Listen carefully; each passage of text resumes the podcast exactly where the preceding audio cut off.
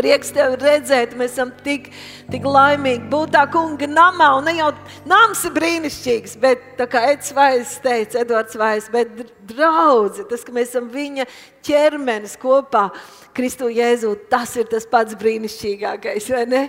Paldies! Um, mēs varam apsēsties. Kungs, paldies, ka tu esi mūsu vidū. Paldies, ka tu šodien pats mūs baro ar savu dzīvības mājas. Paldies, ka tavs vārds mūs glābi un izmaina. Paldies, ka tavs tuvums mūs glābi un izmaina un dara tev līdzīgus. Ka tu atver mūsu gara acis un ausis, ka mēs saprotam un ieraugam un tiekam izmainīti. Halleluja! Slava Jēzum! ir tik brīnumaini. Tā pārdomājot vēsturi, domājot par visiem Bībeles varoņiem, skatoties, kādos laikos viņi dzīvoja, kādos apstākļos, tad var secināt, ka vienmēr bija uh, laiki, kad kādai uh, teiksim, tā, draudzes daļai vai dievticīgajiem arī vecās derības laikā varēja šķist politiskā situācija ļoti smaga, emocionāli, psiholoģiski, finansiāli un tā tālāk. Un tā joprojām tas draudēja vajāšanām. Bija laiks, kad Dievs klusēja, bija laiks, kad uh, likās, ka Dievs sots ir arī par Izraēlu tautu cilvēki nekomunicēja ar Dievu, nemeklēja Dievu, bet vienmēr vienmēr caur visai vēsturei ir bijuši cilvēki, dievi, vīri un sievas, kas ir meklējuši dievu un pazinuši viņu, pazinuši viņu ļoti, ļoti personīgi. Un saņēmuši no viņa, un kalpojuši viņam. Un caur šiem cilvēkiem Dievs ir svētījis ne tikai viņus un viņu ģimenes, bet arī visus pārējos. Un domājot par mums, par laikiem, ko šie vecās darbības vīri, kad viņi lasīja šos pravietojumus, viņi nespēja saprast, viņiem gāja īsavienojums. Par kādiem laikiem Dieva vārds runā, ka mēs būsim Jēzu, nāks Mēsī, nomirs par mums, mēs tiksim savienot, būsim Viņā, Svētais gars mūsos, mēs ar Svēto garu Viņā. Tāda vienotība, tāds tuvums, un mēs tajā dzīvojam. Kad es atceros savu vecu, vecu māmiņu, kas jau ir mūžībā, viņa bija vienkārši, pavisam vienkārši lauku cilvēks, dzīvoja, darot smagus lauku darbus. Un, ja es tā domāju, cik es tagad esmu atzinusi Dievu, viņa vārdu, viņa tuvumu, svēto garu, tad viņai no tā bija šī tik daudz vēl toreiz. Tāpēc, ka Dievs pakāpenis visu laiku atklājas, atklājas laikam nobeidzoties. Taču viņa visos tais grūtajos apstākļos un smagajos darbos cauri katru dienu staigāja ar savu dievu. Viņu viņu pazina. Bez arī visām tām smalkajām atklāsmēm un niansēm. Viņa pazina savu dievu, viņa mīlēja savu dievu, viņa viņam kalpoja un viņš pagodinājās viņas dzīvē. Halleluja! Un šodien esam mēs, liekas, tādā atklāsmes un žēlastības kulminācijā, epicentrā. Viss ir mūsu. Viss ir mūsu. Tikai pastiep roku, tikai atver kādu no Pāvila vēstulēm, tikai izlasi Jāņa evanģēlīju, tikai pasaki, Jēzu, es mīlu tevi. Svētais gars ir pie mums visu laiku. Jā, tas ir tavs, ņem, lieto. Mēs dzīvojam salīdzinoši ar visiem senčiem, tik prātam neaptveramā, privileģētā un tā pašā laikā ļoti, ļoti svarīgā, izšķirošā laikā. Un šķiet, ka ienaidnieks tā ritīgi piestrādā, lai tieši šādā laikā dzīvojot, kristieši dzīvot bez Kristus, dzīvot bez dzīvām, personīgām, spēcīgām. Tāda vilkme, ka visa būtība, visas manas iekšas, vi, vi, katrs, katra fibra, ka es ļautu sev ilgotos, ilgoties pēc Dieva. Jo mēs esam milzīgi aizņemti. Mēs šobrīd dzīvojam laikā, ka es, es aizmirsu savu vīru telefonu numuru. Es savējo, kāds bija mans numurs, ja kāds prasa, vai ne? Mums nepaliek prātā. Un tā pašā laikā mēs esam pilni ar informāciju, pilni ar, ar lietām, kas mums jādara. Tehnikas ir bez gala, ko mana vecmāmiņa vispār iedomāties kaut ko tādu nevarētu. Bet Dieva bērnam var nebūt laika, nebūt vieta galvā, vieta dvēselē, vieta sirdī, nebūt laika būt ar Dievu, dzirdēt viņu, piedzīvot viņu, nedzīvot tā kā uzlādējamā baterija uz vakardienas rezervēm.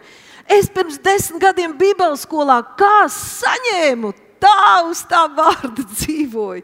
Kā toreiz piedzīvoju, kā toreiz tajā īpašajā dievkalpojumā sapratu, tā es turu, velku, izturu, ja? vai vēl kaut kā. Šis ir īpašs laiks. Es domāju, arī sakarā ar tām dienām, kas stāv priekšā, ar tām brīnumainajām dienām. Šis ir īpašs laiks iepazīt Jēzu, iepazīt tēvu, iepazīt tā kā Enoks. Iedomājieties, laikā viņš bija septītā paudze pēc Ādama kur viņa vec, vec, vectēvs bija grēkojis. Es domāju, ka viņš pārdzīvoja un, un stāstīja, cik slikti viņš rīkojies un kāda nelaime un kā tas bija, ka viņš bija ar Dievu, runāja un staigāja ar Dievu. Un tad bija paudzes, kas grēkoja un krita un neklausīja un atradās zem šīs lāsta verdzības. Bet Enoks atļautai tam savām ilgām, patiesajām. Tas nekas, ka vectēvam nebija tētim nav attiecības, ka nevienam šobrīd nav, kad liekas, ka nav iespējams, ka, ka, ka tas nav priekš manis. Viņš ļāvās tai iekšējai vilkmei, tai gribēšanai. Mēs šodien teiktu, ja es saku, uguns esmu nācis nest, tām ilgām, tām versmei pēc dieva mēs šodien slāpstam pēc Dieva. Enoks tam ļāvās. Viņš man vienalga, ko tētis, ko onkulis, kā ir, kā vēsture, senatne, ko vecvec vectēvs izdarīja. Ja viņš varēja kontaktēt ar Dievu, es arī. Mēs šodien esam, kad svētais gars lūdzās, aicina, brīdina, izmanto šo privileģēto laiku, iepazīt šodien, pazīt savu dzīvo Dievu personīgi pazīt viņu. Un tāpēc, lai gan jūlijas, tāpēc, ka jūlijas iesākās jubilāra mēnesis ar 46. psalmu, atcerieties! Tad arī jūlijā mēnesī mēs nobeigsim ar 46. psalmu. Jūlijā mēnesis ir 46. psalms. Un es tikai šodien gribu jums pakalpot vai nodot vēstu no tēva sirds tieši ar 11. pantu. Un tur tas kungs saka, rimstieties, rimstieties un atzīstiet, ka es esmu Dievs. Rimstieties un atzīstiet, ka es esmu Dievs. Un turpat 12. tālāk saka tas, kas bija pagājušajā reizē vārdā, tas atkār, kas trīsreiz atkārtojās. Tas kungs Cebots taču ir ar mums mūsu stiprā pils, vai cits tulkojums saka, mūsu augstais patvērums, aizstāvis. Iedomājieties, tavs glābējs kā tavs stiprā pils, kur tu mājo pils kalna galā ar nocietinātiem mūriem, apgādāta, bezgalīgi krāšņa un droša. Tavs Dievs ir tava stiprā pils, tavs patvērums, tavs aizstāvis ir jēkaba Dievs. Tāpēc norimsties, rimstieties un atzīstiet, ka es esmu Dievs. Es esmu tavs Dievs. Un gribu tāds šo pantu pieskaties kā, trīs, ar trim punktiem. Tātad pirmais ir norimsti, rimstieties. Vai? Norimsti. Vai kā mācītājs šīs trīs reizes sela tulkoja, kā apstājies un pārdomā. Apstājies. Es pieņemu, ka tad, kad Dievs mūs uzrunā, vai mēs saprotam, ka kaut kas priekš mums ir svarīgi, vai kad notiek kaut kādas pēkšņas grūtības, kā Līga teica, pēkšņi pasaule apstājas, ja, tad mums ir viegli vai uh, ir iespējami fiziski apstāties.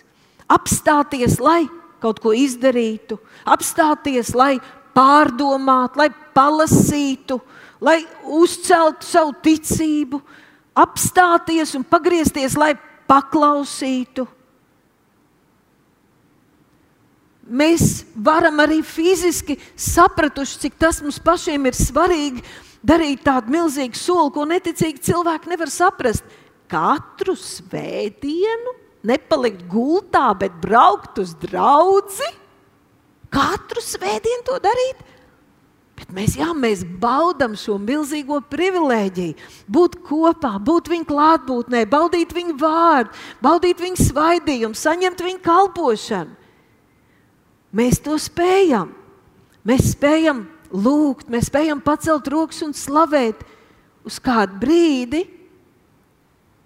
apstāties uz kādu mirkli, apstādināt to skrienošo ikdienu, tos ieradumus un kaut ko izdarīt. Un tad jautāt, vai vēl kaut kas jādara? Vai vēl man kaut kas būtu jādara, lai būtu viss labi un kārtībā? Bet Dievs šeit runā par kaut ko daudz vairāk. Viņš runā arī par mūsu dvēseli, par mūsu iekšējo cilvēku. Un dvēselē tieksme, viņa pēc idejas strādā, pēc ieraduma. Viņa uzkrāja bagāžu, uzkrāja pieredzi, iebradā taciņu, domāšanā, attieksmē, dzīvesveidā, izveido raksturu, izveido uh, to to mūsu uztveres stilu. Un tad mēs varam būt dievkalpojumā, varam klausīties vārdu. Bet vēseli jau pēc kādām 10, 15 minūtēm var strādāt, mājas darbus, domāt, darba problēmas, vai arī to, ko es sludinu, ielikt kaut kādās konkrētās savās kastītēs. Kā es esmu pieredzējis, ko es zinu, ko esmu lasījis, kā tas ir. Dvēseli jau kontrolē, dvēseli jau šiverē, Dvēseli jau grib skriet, dvēseli jau izanalizē un paņem, kas viņai der, kas viņai neder. Mēs zinām, ka mēs varam būt lūkšanā, uz lūkšanas ceļiem, palikt tikai fiziskā pozā. Pēc kāda laika jau būt kaut kur citur, domās. Mēs varam tā lūgt, par kādu problēmu, ka pieceļoties no saviem lūgšanas ceļiem, mums ir vēl mazāk ticības nekā bija pirms tam.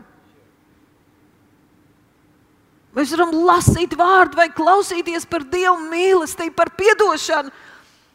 Un pēc kāda mirkļa nokļūstot kaut kādā situācijā, sajust, ka tas aizvainojums un sāpes un, un nepiedošana un vēlme aprunāt un kritizēt un runāt sliktu ir uh, ar kādu spēku vēl vairāk pieņēmusies. Un miesa ir nostiprinājusies ar visu to nelielo uz mirkli apstāšanos, palasīšanu, pielūgšanu un kaut kā pareizi izdarīšanu. Tāpēc Dievs uz mums runā norimsti. Un man ir jāparūpējas par sevi, par savu dvēseli. Man ir jāļauj jāparūpējas, lai tās ilgas, tā, tā versme, tā tieksme pēc dieva, lai tā tiek cauri, kā Enoks tika cauri visiem tiem aizbildinājumiem un pieredzēju un tajā brīža situācijai. Atrast laiku un norimt tā pa īstam Dievu priekšā. Tas nav tikai uz mirkli apstāties lai izmainītos ieradums, lai izmainītos mans raksturs, mana attieksme, lai es pieaugtu ticībā.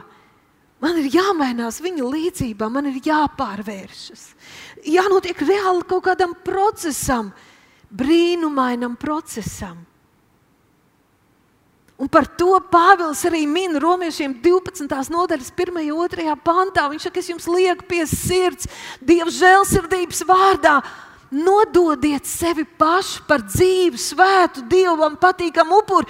Tas lai ir, tā lai ir jūsu garīgā kalpošana. Tas nav tā, ka svētdien mēs divas stundas atnākam uz dievkalpojumu, kaut ko padarām priekš dievu.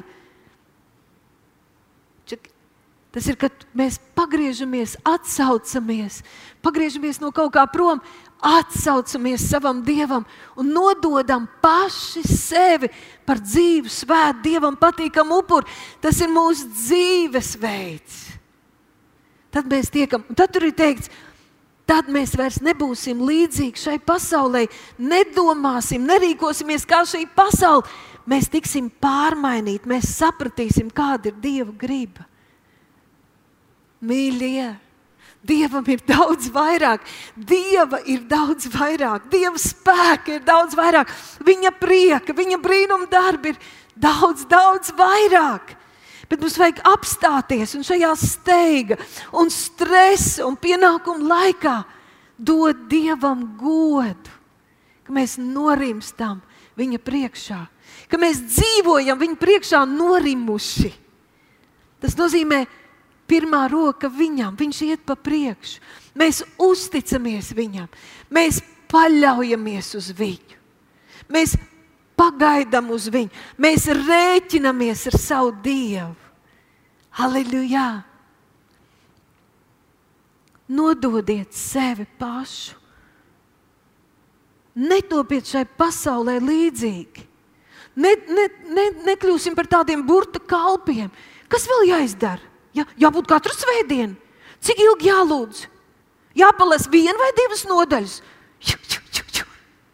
Un tajā laikā dvēseli skrien, dvēseli dzīvo. Bībelīt aizvērām, no lūkšanas ceļiem piecēlāmies un aizskrējām. Tāpat kā pasaule. Ne ar ko gandrīz vai neatšķiroties. Hei, Dievs palika, Tēvs palika. Viņam bija kaut kas sagatavots. Viņš gribēja kaut ko atklāt, iedot, celt, mainīt, stiprināt, iepriecināt. Mēs jau aizskrējām. Varbūt ķermenis vēl palika dievkalpojumā uz krēsla. Varbūt, ka vēl sēžam pie savu galda, ir atvērta bībelīte. Nomierinies, rimstieties. Dievs saka, rimstieties. Bez ticības mēs Dievam nepatīkam. Ebrejiem 11. nodaļa, 6. pāns saka, jo tā mēs nevaram no viņa neko saņemt. Bez ticības mēs no Dieva neko nevaram saņemt. Un dzīvot ticībā, tas nozīmē dzīvot šajā drošajā, stiprajā pilī. Dzīvot savā drošajā, stiprajā pilī. Es varu dzīvot Rīgā, un es varu dzīvot ārpus Rīgas. Es varu dzīvot savā mājās, mīļajās, drošajās mājās, bet es varu būt aizklīdus ārpus savām mājām un nevaru vairs atrast ceļu atpakaļ. Es varu dzīvot ticībā, un es varu dzīvot bez ticības. Es varu dzīvot neticībā, un dvēseli uz to ir maktenīgi, mūsu neatjaunotā daļa, mūsu miesas prāts. Vēlnam ir tik viegla pieeja tai daļai, lai ņirgātos par mums. Lai mēs ieliktu ķeksīšu, esam palasījuši, esam pielūguši, esam desmito iedevuši. Kāpēc nedarbojas Dievs, kur tu esi? Es gaidu tevi, norimsti, lai tu sadzirdētu. Tev ir jānorimst hei, atraisi tās savas dvēseles fibras, tās savas ilgas. Ja es teicu, uguni, es esmu nācis mest. Uguni, mūsos ir mīlestības uguns. Atļausim, lai tā plūst pretī dievam, lai tā mīlestības versme laužas visiem kankariem cauri. Kā drīkst, kā nedrīkst, kas darbojas, kas nedarbojas. Tev ir dzīvais Dievs! Un tāpēc tev ir viss. Viss darbojas, viss ir tavs. Tikai tas ir jāsaņem. Ja mēs dzīvojam ārpus ticības, ārpus savas pilsētas, bez ticības, neticībā, tad nepalīdz tādas reliģiskas darbības. Mums vajag atklāsmi. Tāpēc otrais ir, punkts ir norimsti, lai atzītu norimsti, lai atzītu, lai piedzīvotu, lai pārtaptu, lai atjaunotos. Tam vajag laiku, un nevienmēr tam ir jābūt uz ceļiem.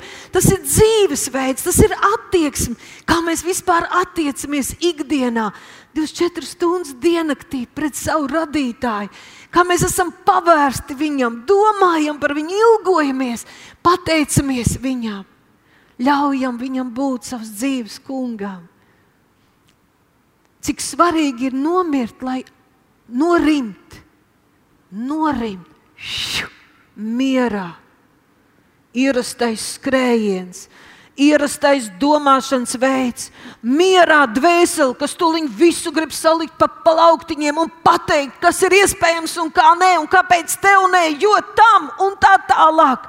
Prāts strādā, Dievs saka, saka norimsties klusu mierā tā kunga priekšā, lai tu atzītu, ka es esmu Dievs, lai tu atzītu savu Dievu,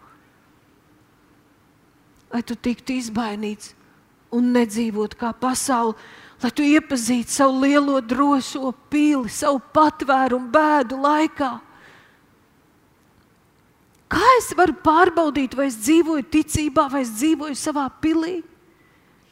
Pa laikam vajag atbildēt uz tādiem pāris jautājumiem sev. Vai es dzīvoju patiesībā? Vai es domāju saskaņā ar patiesību, vai es spriežu par ikdienas lietām saskaņā ar patiesību, vai es virzos savā aicinājumā? Vai es daru to, ko man saka vārds, ko Jēzus man ir teicis, vai es vismaz uztraucos, es rūpējos, es bēdājos, ka es vēlos, es virzos uz to. Es atrodos virzībā, kustībā, ilgās. Manī notiek procesi, laime un neapmierinātība, pārdomas un satraukums, meklējumi un milzīgi skaisti piedzīvojumi manā drošajā, stiprajā pilī. Es vienkārši neeksistēju, neklimstu kaut kur ārpus bez ticības. Jo bez ticības nekas pie Dieva nedarbojas. Mēs vienkārši neko nevaram no viņa saņemt, nevaram saprast, nevaram atzīt tās lietas, bez kurām mēs nevaram dzīvot un nevaram kalpot. Mums visiem tas ir vajadzīgs. Tāpēc, lai tiešām izmainītos, lai man ieradumi izmainītos, mans raksturs, man attieksme pret dzīvi, un līdz ar to arī dzīves augļi.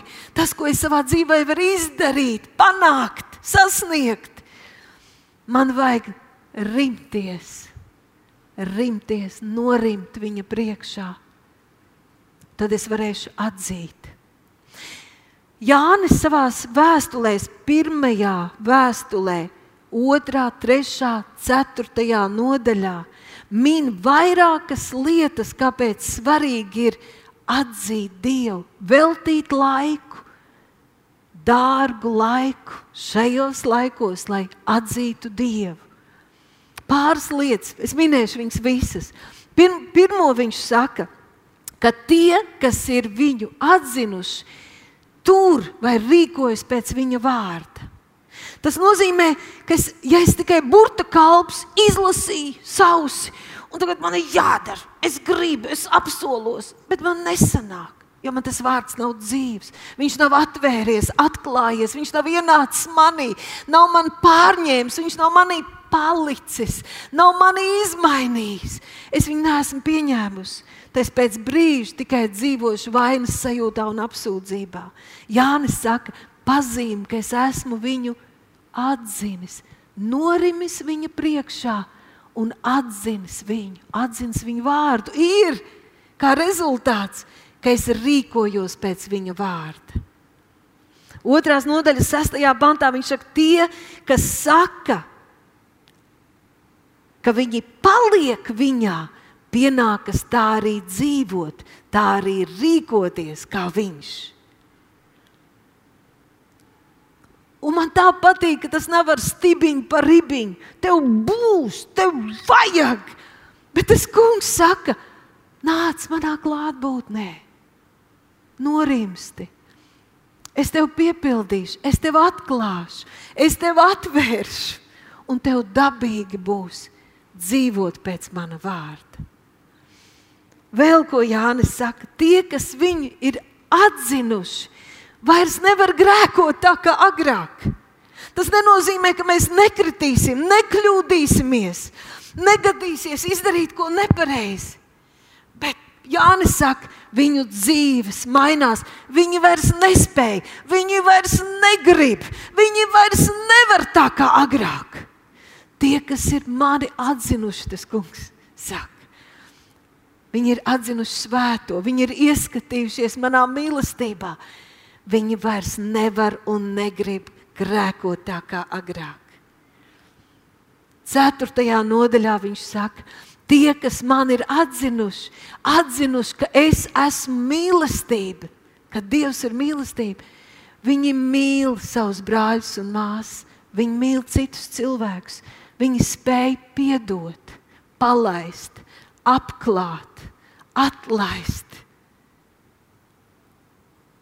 Tad viņi tur vārdu, viņi rīkojas pēc vārda. Viņi vairs nespēja dzīvot grēkā, un viņi mīl. Viņi dzīvo mīlestībā. Un pēdējais, tur 13. pāns, manuprāt, viņš saka, viņi atzīst, ka viņi ir Jēzu, Jēzus viņos, caur svēto garu, kas ir viņos. Tātad šīs ir tādas lietas, ko nevar draugi sanākt kopā. Hei, es tev pastāstīšu, kā tas darbojas. Tas ir, ka tu nāc paša dieva klātbūtnē, pats norimsti un piedzīvo, lai tas kungs tev atklāja. Lietas, kas ir tik bezgalīgi svarīgas, tik nepieciešamas mums, bet viņas nekā citādi nevar iegūt kā personīgā atklāsmē ar savu glābēju. Halleluja! Pēc lai paliktu savā pilī, lai paliktu savā pilī, lai apsaimniekot, lai dzīvotu ticībā, lai dzīvotu Jēzu Kristu, ir nepieciešama šī nodošanās ir nepieciešams aktīvi stāvēt pretī vēlnam, stāvēt pretī meliem un sargāt, sargāt, turēt dārgu savu pozīciju Jēzu Kristu. Tas nozīmē, ka mans un tavs Dievs, mūsu radītājs, nedrīkst stāvēt mūsu laika izmantošanas rindas pašā galā un gaidīt uz savu kārtu. Kad mums visās steigā un pienākumos atliks laiks, lai padomātu par viņu. Mums viņš ir nepieciešams. Kā kungs un glābējs. Un tāpēc trešais punkts, kāpēc viss tas, par ko mēs šodien runājam, rimstieties un atzīstiet, kas es esmu, ka es esmu varenais Dievs. Atzīst, ka es esmu Dievs. Es neesmu piņģerota, neesmu trauksmes poga, ko var paraustīt tikai bēdu laikā. Kā man pieskriet uz mirkli, es esmu pasaules dievs, debesu un zemes radītājs. Es esmu tavs glābējs. Atzīstot, ka Viņš ir varenais Dievs. Es atzīstu, ka es neesmu Dievs, ka es esmu radījums un man ir vajadzīgs Dievs. Man vajag tevi, Dievs. Man vajag vairāk par sauli, par gaismu, par skābekli, par ūdeni.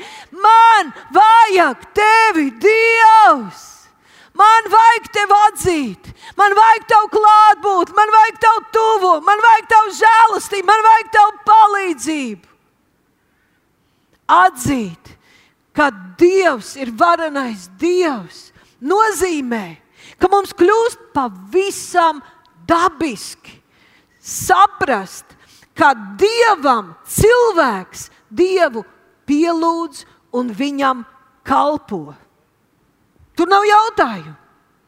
Atzīt, ka Viņš ir Dievs, mans Dievs, padara normālu, sakārto prioritātes, noliek Dievu centrā. Un nav vairs jautājums. Nav jautājums, ka tas ir normāli 21. gadsimtā, šodien un tagad. Varenot dzīvo vienīgo, trīsvienīgo Dievu pielūgt, pielūgt ar visu savu dzīvi, ikdienā, pielūgt un viņam kalpot, jo Dievu pielūdz un viņam kalpo. Ja tavs dievs ir materiālisms, labklājība, sports, ķermenis, mode, tu arī viņu pielūdz un tam kalpo, jo tu vēl tam laiku, domas, rūpes, līdzekļus. Bet, ja tavs dievs ir varenais dievs, tad viņu būs pielūgt un viņam kalpot. Un tā norimšana patiesi spēt šai laikā Visos šais apstākļos pa vidu mums ir vara un autoritāte. Norimt, dzīvot mierā, dievā. Tikai mums ir dot šī vara un autoritāte, kā dievu bērniem, norimt un dzīvot dieva klātbūtnē visas 24 stundas diennaktī. Šī atklāsme atnes milzīgu, skaidru, svētītu realitātes sajūtu. Ka tā ir mana vienīgā dzīve, ko es šobrīd dzīvoju. Ka šī diena ir mana diena. Un viņa aizies un nekad vairs neatgriezīsies. Un es dzīvoju tikai savu vienīgo dzīvi. Un tie lēmumi, kurus es pieņemu šodien, ietekmēs manu rītdienu un pat mūžību. Atzīstot Dievu, mēs atzīstam mūžību sevī. Un mums kļūst ļoti reāla arī mūžība tagadnē un nākotnē. Mēs esam tā kā skaidrā prātā. Hei! Es esmu Dieva bērns savā fiziskajā ķermenī, kas dzīvo šeit, šodien, tagad, savu vienīgo dzīvi kopā ar savu Dievu, viņa drošajā pilī. Es dzīvoju pirmkārt tāpēc, lai iepazītu te viņu. Es dzīvoju tāpēc, lai iepazītu tevi. Man tik daudz ir sevi jāmīl un tik daudz ir par sevi jāparūpējas, lai es iepazītu Dievu uz šīs zemes. Lai es tiešām viņu iepazītu, lai es iepazītu kungu Jēzu, lai es pazītu svētā gara balsi. Jo nebūs nekāda šķīstītāja caur dzīvi uz zemes un debesīs pa starpu. Un tad pēkšņi mēs tur būsim kaut kādi pārdabiski apskaidroti un pārdabiskās attiecībās, tā kā mēs mīlam šodien, ja Jēzus nāks. Tāda ir tā mana un tava mīlestība. Tā kā tu pielūdz un kalpo šodien, tāda arī ir tā tava attieksme pret Dievu. Un tāds tu arī aizies mājās. Tik gatavs, tik iepazīstams tu esi. Un Dievs ir devis vēl mums laiku iepazīt viņu. Un man ir tāda aizdoma, ka šajās pēdējās skaistajās dienās, kas stāv priekšā, mums būs bezgalīgi svarīgi, lai mēs viņu pazītu. Jo jau Daniels saka, ka tie, kas viņu pazina, pazīs, tie droši rīkosies pēc savas pārliecības, mēs teiktu, svētā gara vadības. Tāpēc, nobeidzot, gribu teikt, ka tāds vēl tā tāds mērauklis vai mē, mērītājs vai palīgs, kā man palikt ticībā šai drošajā pilī, savā patvērumā un iepazīt viņu, iepazīt savu glābēju, ļaut tai mīlestībai atraisīties. Ir no romiešiem pirmās nodaļas, tur sākuma. Tur ir teikts, ka cilvēki sajūg prātā, sāk spriest ģeķīgi, kā nu tieši bija. Savos spriedumos krīt nīcības gūstā un sirds neprātā iegrimst tumsā. Es domāju, vai kristietis arī var savos spriedumos krist nīcības gūstā un sirds neprātā iegrimt tumsā? Mierīgi, mierīgi ar jēzus vārdu uz lūpām pa ierasto taciņu, veco domāšanu. Taču tik daudz informācijas, tik daudz visu laiku mums skalo smadzenes, baksta, māca, izsmeja, kaunina, skaidro, stāsta. Ja mēs nepazīstam savu dievu, mēs varam savos spriedumos, krist nīcības gūstā un savu, savā sirds neprātā iegrimt tumsā. Ak, Dievs, es to nevēlos! Kāds ir glābiņš? Pirms tam ir teikts, kāpēc ar tiem cilvēkiem tas notika. Jo zinādam Dievu, viņi to nav turējuši godā kā Dievu. Nav laika dievam, nav laika viņa vārdam. Nav, nu, kas, ko dievvvārds tur saka? Es vienkārši nekontrolēju. Vēlns lieto man dvēseli, kā gribēdams pret mani pašu. Mans domas, mans mutes vārdus. Viņi nav turējuši godā kā dievu un nav viņam pateikušies. Nav turējuši godā un nav viņam, viņam pateikušies. Tātad, ja es mācos, ja es pieliekos, ja es izvēlos, ja es nododos, lai turētu Dievu, trīsvienīgo Dievu savā dzīvē godā un viņam pasakos, tad man tas nedraud tad es atzīstu, piedzīvoju, mainos, pārvēršos, iegūstu un uzvaru. Mīļie, 75% no ikdienas lūkšanas ir jābūt pateicībai.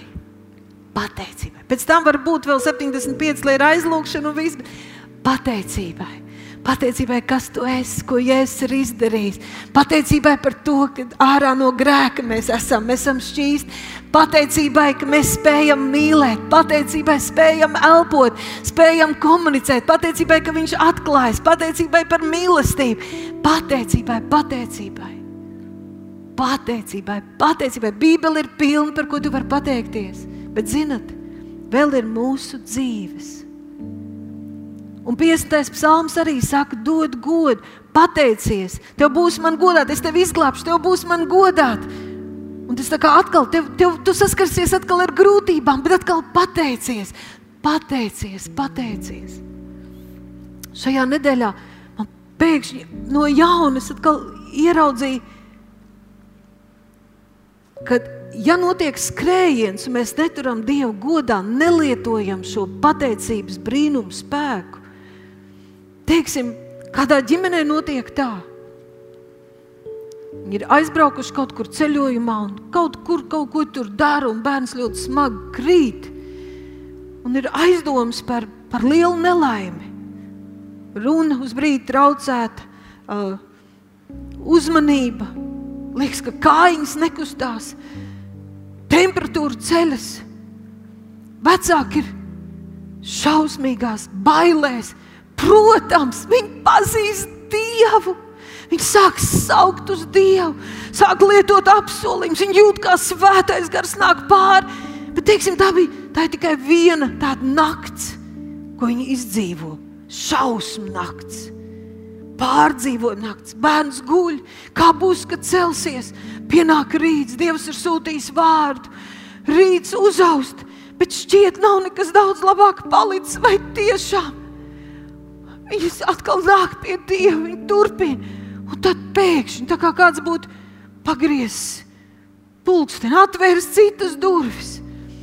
Bērns pieceļas, apetīts, skrien, kustās, runā. Viss ir cauri. Un, zināt, no tā sastāv mūsu dzīves. Mēs izglābti, pasargāti, Varbūt kaut ko mēs piedzīvojam, bet taču varēja būt daudz, daudz neiedomājami ļaunāk. Vēlns mūs vienkārši ienīst. Mēs varbūt devām tur iespēju, bet viņš vienkārši gribēja mums kaut ko nodarīt. Viņam neizdevās. Un tad es domāju, pateicība. Cik daudz, cik daudz pateicība. Nu, padomājiet, reāli savā dzīvē, ka kaut kas tāds, nu, kaut vai avārija tur varēja būt, vai kaut kāda slimība, kur ārsts tur deva, nezinu, kādas prognozes, vai finansēs kaut kas, vai vienalga. Es domāju, patiesībā taču Tur tai pateicībai vajadzētu būt visu dzīvi. Tam bērnam vajadzētu augt, un viņam kartiņās, grāmatā, kaut kur mums vajadzētu taisīt svētkus, ģimenes pateicības svētkus, reizes mēnesī vismaz. Tā kā vecā derībā ceļot akmens grēdas, un ka bērni prasīs, kas tur, bet kas tur, bet kas tur. Tā vecāks stāsta, stāsta. Un, zināt, es domāju par savu dzīvi, par saviem bērniem. Nu, jau mazbērniem, nerunājot par visu draugu, bet kaut vai tikai par mani, no bērnības, par saviem vecākiem. Ak, Dievs, man dzīve nepietika. Man vajadzētu visu laiku pateikties, stāstīt, atkal stāstīt, atkal stāstīt un pateikties, pateikties, pateikties. Dieva vārdā mēs redzam, ka tas ir veids, kā mēs varam turēt viņu godā un nekrist nīcību gūstā, sirdžu neprātā, tumsā. Pat ja mums ir grūts laiks, pat ja mums ir šobrīd uzbrukums, mēs atskatāmies uz Dievu vārdu, ko Viņš ir izdarījis, un pateicamies.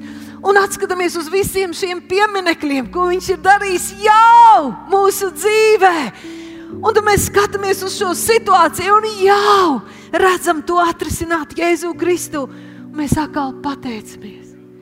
Tāpēc Dieva bērni jau ir priecīgākie cilvēki uz zemes virsmas, jo viņi ir pateicīgākie. Tāpēc viņi ir skaistākie, laimīgākie, veiksmīgākie. Jo būt pateicīgam nozīmē atrasties žēlastībā. Halleluja! Turēsim godā, pielūgsim, kalposim un pateiksimies.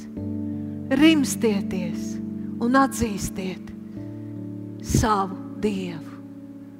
Halleluja! Šis ir tās laiks un tev nav jāskatās. Es, nezinu, es esmu kaut kāds savādāks, man, man neizdodas. Pasties, kā tas, cik emocionāli, kā viņš piedzīvo Dievu, kā viņš stāsta. Liecies mierā. Tev nevienu, ne ar vienu sevi nav jāsalīdzina. Tu esi viņa bērns. Viņš tevi ir radījis.